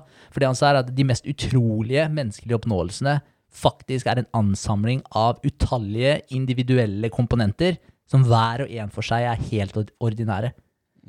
Så, sånn som når du ser på Michael Phelps, da, når han uh, svømmer, for det var et svømmestudie som han her uh, karen uh, holdt på med. Så hvis vi tar Michael Phelps som et eksempel, så er det sånn når du ser han eh, eh, ja, konkurrere, være i bassenget og eh, knuser alt som er hvis du deler opp alt det han gjør, da, i små, små eh, steg, så er det han gjør, er egentlig helt ordinært. Bare at han er veldig god på alle disse små individuelle stegene. Så, så det var det han uh, bemerka seg sånn generelt. Når du ser noen som er ekstremt talentfulle i et eller annet, som du bare Kjeven din dropper. Hvis du deler opp det de gjør i mange mange små komponenter, så er de komponentene som regel helt, helt ordinære. Hvem som helst kan klare det, men det er bare at de er ekstremt gode på absolutt alle av de små komponentene. Ja, her, Så sammen blir det et sinnssykt resultat. Mm. Og det, men det er kult, fordi de gjør det jo også litt hva skal jeg si, litt mer ned på bakken. da, Når man hører om sånne sinnssyke achievements osv. Deler man det opp og dissekerer eh, det talentet eller den eh, oppnåelsen, så er det kanskje mer oppnåelig for alle. Gjør det litt mer no jordnært eller ordinært. Så at du, ikke- det er ikke så farlig, ikke så skummelt allikevel. Ja, at man du kan, børster ikke bare av deg med en gang og tenker at eh, det her funker ikke for meg. nei, nei, Nei. Du kan, eh, det blir litt mer oppnåelig. Ja. Nå skal det sies at Phelps, og hvis man, hvis man har tatt For det er også et, et, eh, noe å tenke på. At no, noen har bedre forutsetninger for å være ekstremt gode i enkelte idretter. Hvis vi tar idretter spesifikt, da. Sånn som Phelps har jo en overkropp som er helt sinnssyk. Han har lange armer, lang overkropp, og så har han egentlig ikke så veldig lange bein. Hadde du tatt han ut av bassenget, satt den på en eh, 1000 meter eh, på altså løpekonkurranse, Hekkeløp. hekkeløp for eksempel, og så hadde du tatt eh, verdensmesteren i hekkeløp og satt han i bassenget, Mm. så er det ikke sikkert at det hadde gått like bra. Nei. Eh, så noen har en eh, hva, skal vi si En eh, genmanuskript. da At man har, man har koda litt forskjellig. Så noen har fordeler da eh, i forhold til det andre har. Ja. Men Men det blir jo litt som å finne lidenskapen din. da Det Ja. gjør det jo. Finn det som passer deg. Du må Ja. utnytte verktøya du har òg. Ja. Så man, eh, man klarer alltid å finne et eller annet man kan eh, duge til. Og han fant ut eh, tidlig at han hadde lange armer, så han kunne bruke de til å padle seg fram med. Ja. men for det blir, det blir jo litt sånn, sånn der vi har prata litt om tidligere òg. Det her med eh, den derre akkumuleringseffekten eh, i forhold til eh, eh, Pareto-distribusjonen. Eh, så, så har du jo, se for deg Michael Phelps, da. Kanskje han, De hadde svømmeopplæring kanskje på eh, skolen når han gikk der, da. Og så merka han at oh, shit, jeg, jeg er jo ganske flink til å svømme. Naturlig, for han har et naturlig Han er litt høyere på talentskalaen enn det mange av de andre der var. Og så har han kanskje fysikken også, som, som hjelper han på vei dit. Eh, og så ser også kanskje læreren da, at han er eh, flink til å svømme. Han får en boost, kanskje han får et godt kompliment av læreren. Kanskje læreren gir han litt mer fokus fordi han ser at han er flink. Eh, de andre elevene, kanskje de eh, også er eh, Ja, får bløff av hvor flink han er. Han får mye god feedback på det her. Og, og all den oppmerksomheten eh, som han får, den hjelper han jo eh, videre. Og det er med å motivere han også, for at han kanskje begynner på svømming tidlig. Han, og der får han kanskje fortsatt da, får han eh, feeda det her eh, eh, hva skal jeg si, den ideen om at han kan bli ekstremt god i svømming. Og så, så er det kanskje der det starter. Så, Det er jo helt sikkert. ja, så det handler litt det der med å finne interessene. Men det er, men det er viktig også, som, som, som du er inne på, André, i forhold til det der med at det, du har noen biologiske tilbøyeligheter. Det er ikke sånn er du 1,45 høy, så blir du ikke verdens beste i basket. Nei. Sånn er det bare. Ja, ja. Altså, det, bare det bare skjer ikke. Det må man godta, da. det må man godta. ja. så, så man kan ikke bli hva som helst. Men det du har lidenskap for, og hvis du har eh, og hvis det ikke er noe sånn derre Ja, type du er dverg og har lyst til å spille basket i ikke-dvergliga. Jeg vet ikke om de har noe liga. Kanskje de har det. Det kan hende. Kan du bli god der? Kortholdsliga. Eh, det, kan hende. Men, eh, men eh, så hvis eh, Ja, men da er er det muligheter, da. Eh, Hva er det jeg skulle fram til? Men du må finne litt din nisje. Ja. Er viktig. Er Du kan ikke bli hva som helst. Du kan faktisk ikke bli hva som helst. Nei, du kan ikke Nei, selv Vi er veldig positive i den poden her, men du kan ikke bli hva som helst. Kan ikke bli katt. Nei. Selv om det er noen som tror det. Det som, som identifiserer seg som katt. Ja, det er faen. Ja, ja. Ja. Ja, for de går rundt og mjauer. Jeg kommer aldri til å, til å kalle deg katt. Jeg, jeg er helt sikker på at jeg gikk i klasse, faktisk, med ei som eh, ja, Hun hadde vel en eller annen fetisj, da. Ja. Sånn, eh, ja, for hun var, Husker du det der trekantprogrammet? Jeg vet ikke om det går fortsatt, jeg. Nei, er det Jo, på TV. Ja, Ja. Trekant, ja. Ja, Ja, ja. ja, stemmer. Jeg, jeg så den der første sesongen av det når det kom ut. Ja. Og da var det ei som var eh, katt. Ja, ja, ja. ja, ja. Så eh, liksom i eh, jeg vet, ikke, jeg vet ikke om det var en greie. Jeg, jeg skjønte egentlig ikke helt, men jeg tror hun bare likte å være katt, da. Jeg vet faen, jeg. Spise litt av katteskåla og Jeg gikk og balle fire, liksom. Og Ja da. Ja, ja. Gikk rundt om jævla, liksom? hele pakka. Jeg er helt sikker på at jeg havna i klasse med henne her, faktisk. Ok. Eh, ja, på høyskolen. Oi. Ja. Så det var helt normal da, da. Men uh, Så hadde den fasen gått over? Nei, jeg, jeg tror det her, det her var noe vi gjør hjemme, da. Ja, men det blir litt sånn drag queen-opplegg, da. Ja. Etter, du, eh, ja, blant andre så, så, er du, så er du Henrik, men eh, på scenen så er du Hen Henriette. Henrika. Henrika. Ja. Ja.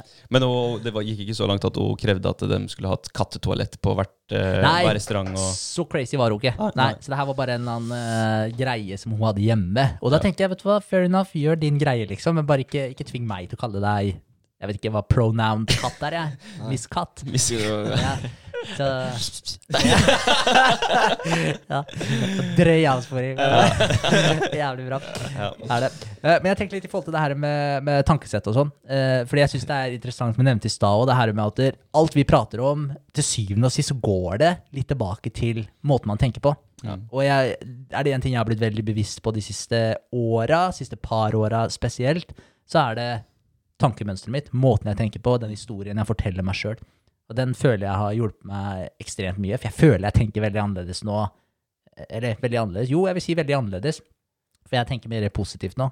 Bryter ikke meg sjøl ned. Jeg er ikke, jeg er ikke med pekefingeren på meg sjøl med en gang, og prøver heller å prate positivt til meg sjøl og tenke positivt og tenke at jeg får det til å ha den dialogen med meg sjøl i stedet. Mm. Jeg føler at det fungerer bra. Jeg føler at jeg føler meg bedre. Selv om jeg føler også at jeg følte meg bra lenge. Ja.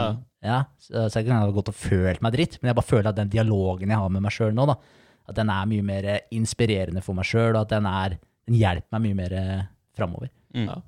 Jeg er enig. Den dialogen her eh, hjelper min dialog eh, med meg sjøl også. Bare sånne eksempler som, som du fort før kunne, kunne inntatt uh, offerrollen i. Sånn der, type Hvis du tryner da på fjelltur, det er det mest nærliggende eksempelet jeg kommer til nå, i og med at jeg nettopp har gått mye tur. Hvis du tryner, så er det sånn herre ah, Fy faen, den jævla glatte gressdumpen der. Eller ah, der var det Der var det gjørmete. For dårlig stil, liksom. Hvorfor har ikke folk gjort noe med det her? Men det, det er jo du som setter foten din der, da. Ja. Så du må liksom bare godta det. Og så bare Ok, men da gjør jeg det bedre neste gang. Jeg er litt mer obs. Uh, neste gang jeg tråkker ned. Ja. Uh, men det er veldig fort gjort også bli pissed. Ja, ble du det, eller? Ble- Jeg, eh, altså jeg gikk jo sammen med noen også, da, så jeg, jeg gikk og tenkte på det hver gang både jeg og følget mitt eh, banna. da Så bare, Men hvorfor? Ja. Bare godta det, og så vet du hva, tråkk bedre neste gang. Mm. Og det tror jeg kan gjelde på veldig mye, da veldig mange områder. Mm. Gjør det litt bedre neste gang istedenfor å grine. Så Definitivt. Ja, jeg, har, jeg har et skikkelig bra eksempel på det her sjøl. Det var uh, artig. Uh, altså, nå skal det sies, da. Jeg tar jo med meg sjøl i det her ofte, jeg òg. Mm. Altså, det er ikke som at jeg aldri inntar den offerrollen. Men uh, jeg føler jeg arresterer meg raskere i det nå enn det jeg gjorde før. Mm. Definitivt. Men det var artig fordi vi hadde en, en Vi har sånne automatiske låser på jobben ikke sant? som du bruker kort for å komme gjennom. Og de Så dører inne i hovedbygningen de låser seg eh, etter klokka fire. Mm. Etter ordinær arbeidstid så låser de seg. Så du må kort da, for å komme deg gjennom de dørene. Og den der eh, låsesaken den hadde fucka seg opp, så den funka ikke. Så du måtte trykke altså så, så vanligvis, ikke sant, fra åtte til fire, så er det sju til fire, så er, de, så er den døra her. Da går det an å åpne den bare. Ja. Eh, så trenger du ikke det nøkkelkortet. Og så har du også en sånn låseknapp ved siden av som du kan trykke på. Vet du, sånn lysbryter Mm. eh, som du kan trykke på for å låse opp døra. Og så den hadde hengt seg en greie her, da, så den, eh, så den var ikke åpen i ordinær arbeidstid. Så den var lukka, så du måtte trykke på den der eh, låse opp-knappen hver gang du skulle ned i kantina og sånn, og ned trappene. Og det var jævlig lættis, ikke sant? fordi folk har jo en inngrodd vane at den her er alltid åpen. Mm. Ikke sant? Og det var helt sjukt artig, fordi i starten så, så kom jeg på den døra, og så, og så, og så funka den ikke. Så jeg sa, men faen jeg. Ikke sant? Og da ble jo jeg litt sånn også, da. Og så måtte jeg låse den opp, da. Og så skjedde det gang nummer to igjen, og gang nummer tre. Eh, og så var jeg sånn Ok, men nå, nå vet jeg at nå er den døra her låst. Det her funker ikke, liksom. Så da er det bare å huske på å låse den opp. Og da var jeg ferdig med det. Og så hørte jeg sånn et par-tre dager etterpå Så hører jeg en fyr kommer da og tar i det dørhåndtaket og bare og, så, og så låser han opp døra. Jeg bare Å, fy faen, du er fortsatt der, du. Det var, eh, det var sjukt lættis. Så han, så han Kan hadde, da bli verre, liksom? ja, tenk deg det. Så han hadde irritert seg over det her da i mange, mange dager og bare ble ikke ferdig med det fordi den jævla døra ikke ville åpne seg. Nei. Det handler om å legge ting litt, litt bak seg. Ja.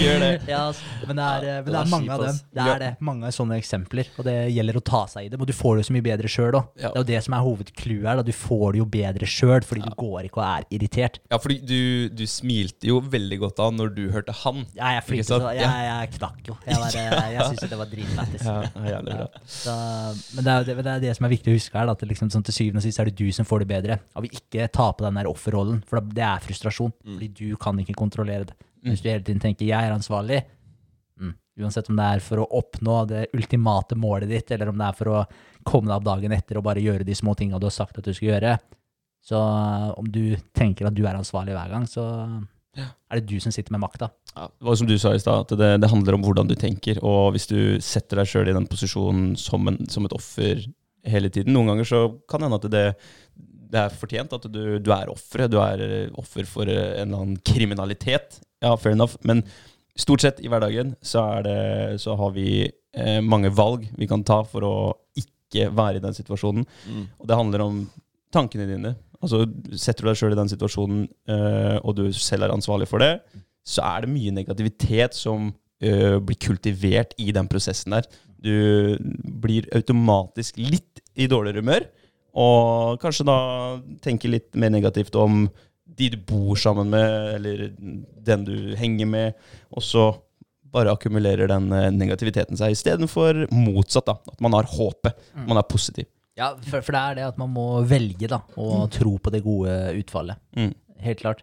For, eh, ja, for det der med at, eh, å innta den offerrollen nå, for det, det er jo noen ting som man tenker at det er, det er helt forferdelig. Altså, det skjer jo helt forferdelige ting der ute, og åpenbart så er det jo noen som er 100% offer i en viss setting. Mm. Men, men casen er hvilken eh, mindset er det du tar med deg etter det her? Og du må selvfølgelig ha noe tid på å bearbeide det som har skjedd, avhengig av hvor sjukt eller hvor tragisk det er det som har skjedd. Men til syvende og sist da, så må du faktisk slutte å være et offer for den greia, for ellers kommer du aldri til å bli ferdig med det. Så det har med, har med på en måte å vende om da, og se framover og begynne å som du sier, kultivere de her eh, positive tinga i stedet. Mm. Og, og på et eller annet tidspunkt så må man jo gjøre det. Om det er dagen etter, om det er uka etter, om det er måneden etter.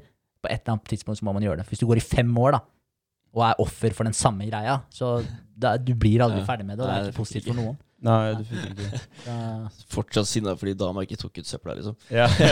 ja, så den er eh, ja, men Folk blir jo dumpa, drept, og folk dør hele tiden. Så sånn er det jo bare. Sånn er verden. Det er brutalt. Og det betyr at det, altså det skjer. Det skjer ikke bare med deg, og det er kanskje det man kan trøste seg litt med. da Hvis man da har vært eh, uheldig og blitt drept, eller nei, blitt dum, dumpa, da hvis man tar det eksempelet, så, så er det veldig fort gjort å, å havne ned i en eh, skikkelig mørk eh, valley. Da er man kanskje stuck i valley of disappointment. Man er veldig skuffa for at man har, har uh, mista det man eh, trodde var framtiden. da Mm. Så må man, eh, man må faktisk legge det bak seg. Ja, definitivt. Noen ting tar lengre tid å recovere fra enn andre, men til syvende og sist må du faktisk gjøre det. Mm. Ja, ikke Bra. Mm. Eh, fett. Ukene som eh, har vært, har vært ferie for dere. Ja, bare var i Kjøben en tur sammen med dama. Det var eh, utrolig ålreit. Kjempehyggelig. Kjøben er en fin by, altså. Veldig Kjøben er fint. Ja, ja, så utrolig ålreit. Vi var der et par netter. Så det var uh, sommerturen vi hadde sammen. Vi hadde en uke overlapp bare på ferien. Ja. Ja. Var det noe spesielt du vil trekke fram fra, fra Kjøbenturen? Noe dere opplevde, eller noe dere så? Nei, det var egentlig bare generelt nice, liksom. Altså, jeg liker sånn måten den byen er utforma på også, i forhold til at de har, de har den kanalen som går igjennom. Eh, og der er det liksom tilrettelagt for badesteder og sånn, så det var jo sjukt nice. Og da gikk liksom an den ene dagen, så sto vi opp, eh, tre, tok en treningsøkt på hotellet, og så gikk jeg ut og tok meg en dukkert der da, og svømte noen tak. Og det er jo sykt deilig da, å ha muligheten til å gjøre det i byen. Mm. Og så er det ålreit vann nå, da. Det er ikke sånn der møkkete brunt vann, liksom. Så, Bare lukter av det resten av dagen. Ja, det er rett tista, liksom? Eller? Ja, litt rett tista. Ja. Selv om den har blitt bedre, den òg. Ja. men, eh, så, så det var jo kjempenice. Men ellers er det hyggelig. da, God stemning. liksom. Bare Ja. gå rundt der, ta noen pils, spise, gå i noen butikker og bare kose seg, egentlig. Mm. Så, Og det å faktisk kunne sette seg på brygga og ta noe drikke, da. Mm. Det jo er utrolig behagelig i Kjøben. Altså Danmark ja, generelt. Ja, du kan faktisk kjøpe noe på butikken og ta med deg på brygga. Det er det Ja. du mener da? Ja, ja. At du har lov til å drikke public. Yes. Ja. Mm. Du, har, du har automatisk litt eh, lavere skuldre. Mm. Eh, litt, eh, du føler den der eh, liberaliteten. Du føler at du, du Ja, det er ikke så farlig, da. Mm. Du gjør det litt som man vil, da. Ja. Ja. Og jeg tenker at det skulle bare mangle. Ja. Men eh, Vi er selv ansvarlige. Vi er, Ja. vi er ikke ofre. Vi er selv ansvarlige for det vi, det vi gjør. Mm. Så vi burde ha lov til å ta egne valg. Det tenker jeg også, definitivt. Men ellers har tida gått med mye til eh, Jeg har holdt på mye ute, da. Hagestell, rett og slett. Fiksa Ja. hage og alt det greiene der. Sånne ting som tar mye tid. Så det har vært deilig. Fått holdt på med det, og så jobba litt. Da. Så vi har lagt den derre eh, pitching av det, det har vi jo venta med. Tatt litt sommerpause fra det, så nå starter vi som smått igjen og tar kontakt med folk da, før vi setter inn støtet typ neste uke og uka etter der. Da begynner det nok for fullt å ta kontakt med folk. Ja. Mm. Vi hadde en tur til Herføl, da. Det hadde vi jo. Ja. Eh, på torsdag. Ja. Der òg er det en litt kul historie, da. Det er, Ja, ja. Vi var en tur på- Herføl eh, for å møte, møte noen, en hestejente da, og prate litt med henne. Eh, og det, det gjorde vi fordi vi ville ha med et eller annet i pitchen. Eh, men etterpå, da, vi kjørte båt dit og hjem igjen. Uh, og når vi kommer hjem, da, så skulle vi fylle bensin på båten. For det gjør Henrik hver gang før han legger til. Så båten er alltid klar når vi skal ut. Og jeg skal åpne det lokket, da. Og det, det lokket er kant, med, kant i kant med båten. ikke sant? Så du må ha et sånn lite verktøy da, med to sånne terter i for å sette ned i det lokket og vri rundt. Eh, og den sitter jo fast på nøkkelknippet. Ja, Så jeg gjør det her, og mister jo da selvfølgelig den nøkkelen eh, i vannet, da. Og tenker at ja, men det går bra, den flyter jo. det er jo flyteelement på den. men det gjorde den ikke. Den sank rett i bånn. Ja, ved, på bensinpumpa i, Halden havn. Ja. Eh, Så sto jeg der da og klødde meg litt i huet og tenkte faen, liksom. ja, og jeg skulle egentlig bare rett til Herføl tilbake igjen for å så kjøre til eh, Grebbestad da, og møte folk der. Så det endte jo med at vi måtte ringe rundt, spørre om noen hadde en type magnet da, for å fiske opp de greiene der, for det var fem meter dypt. Det var det.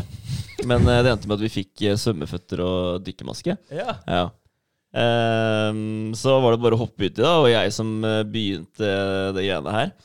Eh, og jeg kom meg faen ikke ned, altså. Det var bekmørkt. ja, ja, det var helt det var dritmørkt, liksom. Det var så skummelt.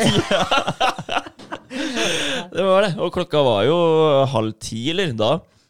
På formiddagen, eller? Nei, på kvelden. kvelden, Ja, ja. ja. Så det, det hjalp liksom ikke så mye, det, da. Det, det, ble bare creepy altså, å svømme under der. Og det var liksom Det var liksom rett kant med selve hovedbrygga da, til mm. havna. Eh, så du tenkte liksom også litt sånn her, du må være forsiktig når du kommer oppover. For det var svære sånne betongklosser ikke sant, som eh, er der, så du er redd for å skalle. ikke sant? Mm.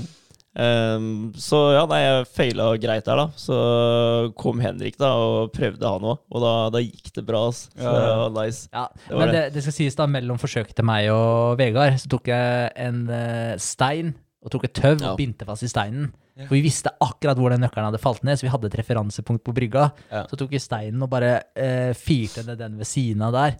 Eh, og, da, og da kunne vi se akkurat nøyaktig hvor dypt det var. Det hjelper jo. Mm. Eh, og så hadde jeg tøv å følge ned. Ja. Og det, det var Det redningen. Fordi hadde jeg Ja, hatt det, så hadde ikke jeg fått det til heller. Fordi jeg kødder ikke når jeg sier at det var helt fucking svart. Du så så vidt hånda di foran deg. Ja. Det var helt svart ned der. Og så var det først når du kom en halvmeter fra bånn, da begynte du å se bånn. Mm. Og da, da kunne du liksom se hva som lå på bånn. Så da lyste det litt opp. Men før, før du var en halvmeter fra bånn, så så du ikke en damn shit. Nei. Ante ikke om du bare skulle faceplant i, Mm. i uh, Hva heter det for noe? Grunn? Ja, i grunnen, ja. Ja, Men det er det, da. Plutselig ligger det en handlevogn der, liksom. Ikke sant? Som du bare Ja. stanger i, da. Ja, ja. Så bare, ah, hva faen er det her for noe? ja helt jævlig, altså. Så, Men det, så men det er rart, det der, altså. Ja. For det du ikke ser, det, altså, det, det er du superredd for. Nei, jeg, jeg syns ikke det var noe behagelig. Nei, det var ikke det. Det var ekkelt som faen. Så hadde jeg ikke hatt det tøvet, så hadde det aldri funka. Men det var deilig, for da var det rett ned, og så var det bare å trøkke seg gjennom det.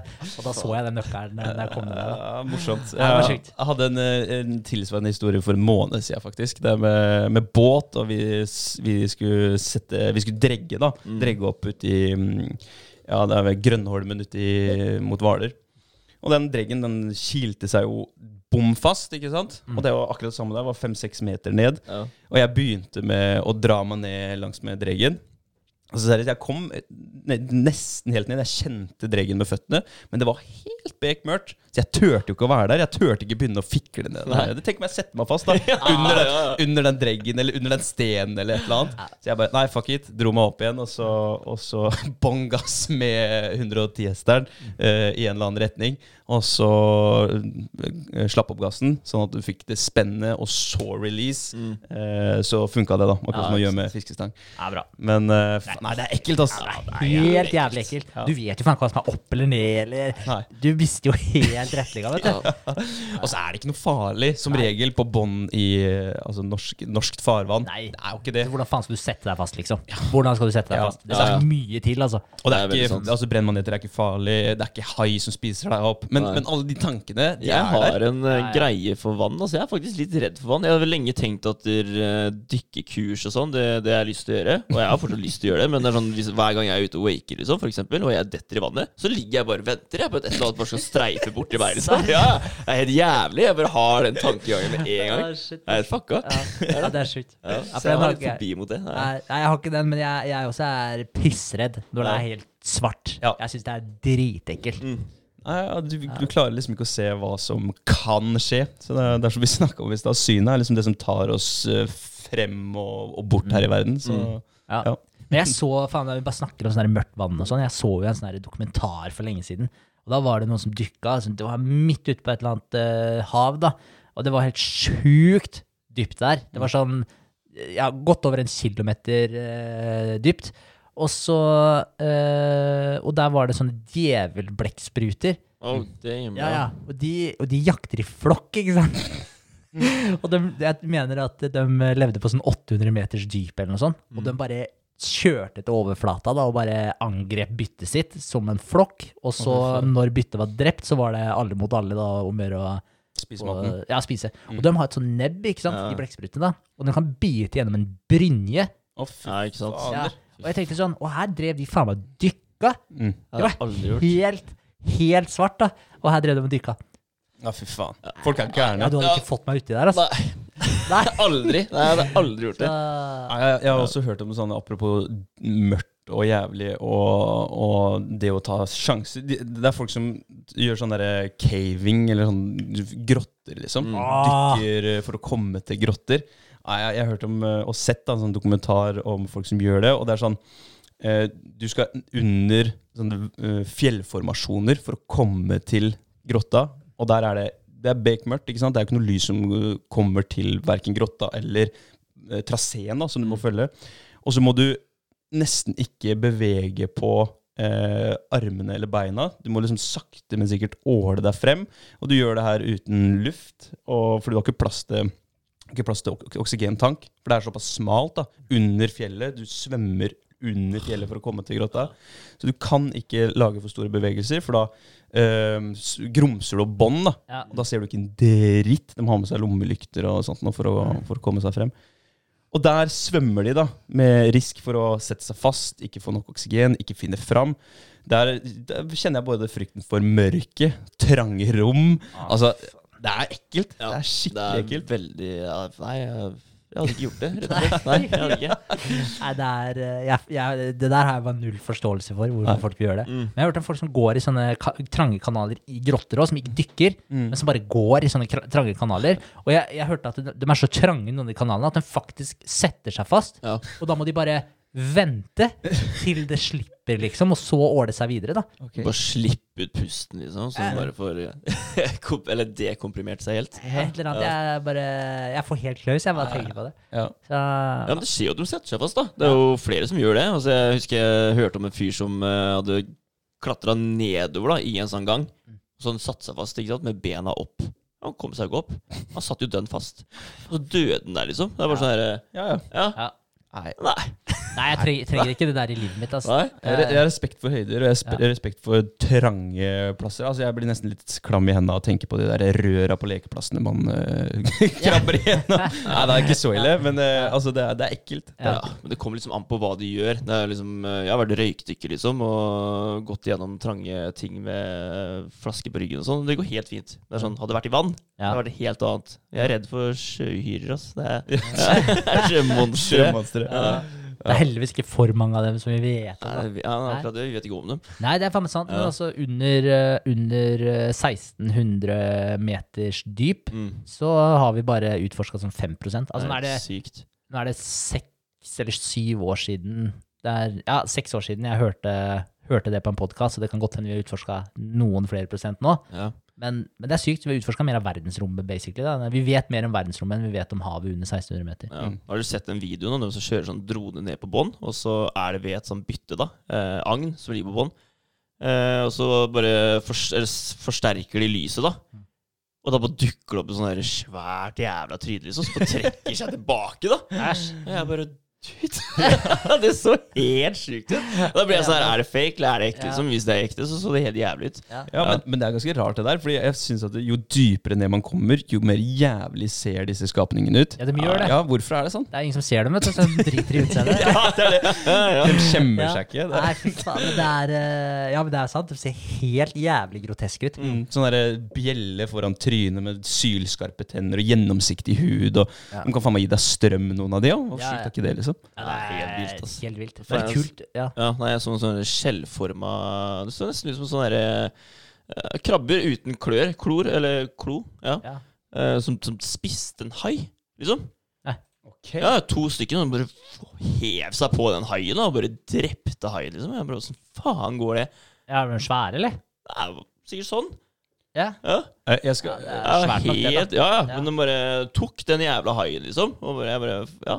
Det er så mye sjukt nedpå der, da. Ja. Ja, det er helt jævlig. Men uh, jeg bare tenkte jeg skulle vise, hvis dere ser det her Hvis du, hvis du skalerer opp en maur, da. Det her er Mm. close-up-bilde av en maur. ja.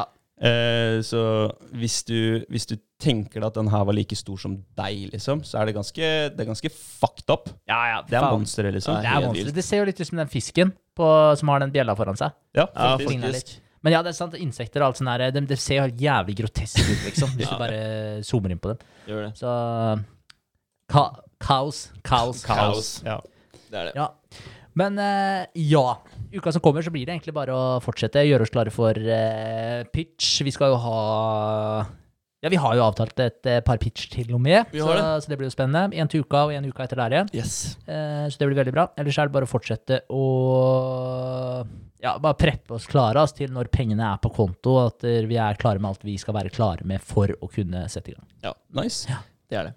Bra. Eh, jeg er i gang med en ny runde opptur, så jeg har begynt å ringe litt der. Så det er jo, det er jo bra. Det betyr mer penger inn for eh, bedre og muligheten til å reinvestere litt. Grann. Selger fortsatt bra med strikker da, til opptur-kollegaer. så det er også bra. Så jeg er vel kvitt 50 av eh, 200 sett, så det er jo Nice. Ja. kjempefint. Moro. Ja, veldig moro.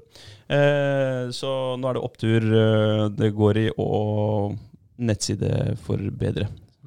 Så det er eh, nice. Bra. Mm. Går det framover? Det går framover. Jeg har ringt litt nå på opptursiden, og noen har lyst på grupper, og noen har lyst på én-til-én-coaching, og så er det litt utstyr som kan, kan selges i tillegg, da. Så det, det går fremover. Nice. Ja, det er moro. Godt Bra. å høre. Supert. Da, ja. Get grit. Get grit. Get grit. ja. Eller uh, keep grit. Ja. Gritting. Bare Ja. stå i det, ass. Ja, hold hold uh, tenna sammen, eller Ja. bit tenna sammen. Få det, bli det, vær det, gjør det. Hele tiden. 24-7. Yes. Takk for i Nice. Takk for i dag. Takk for det. Ha det.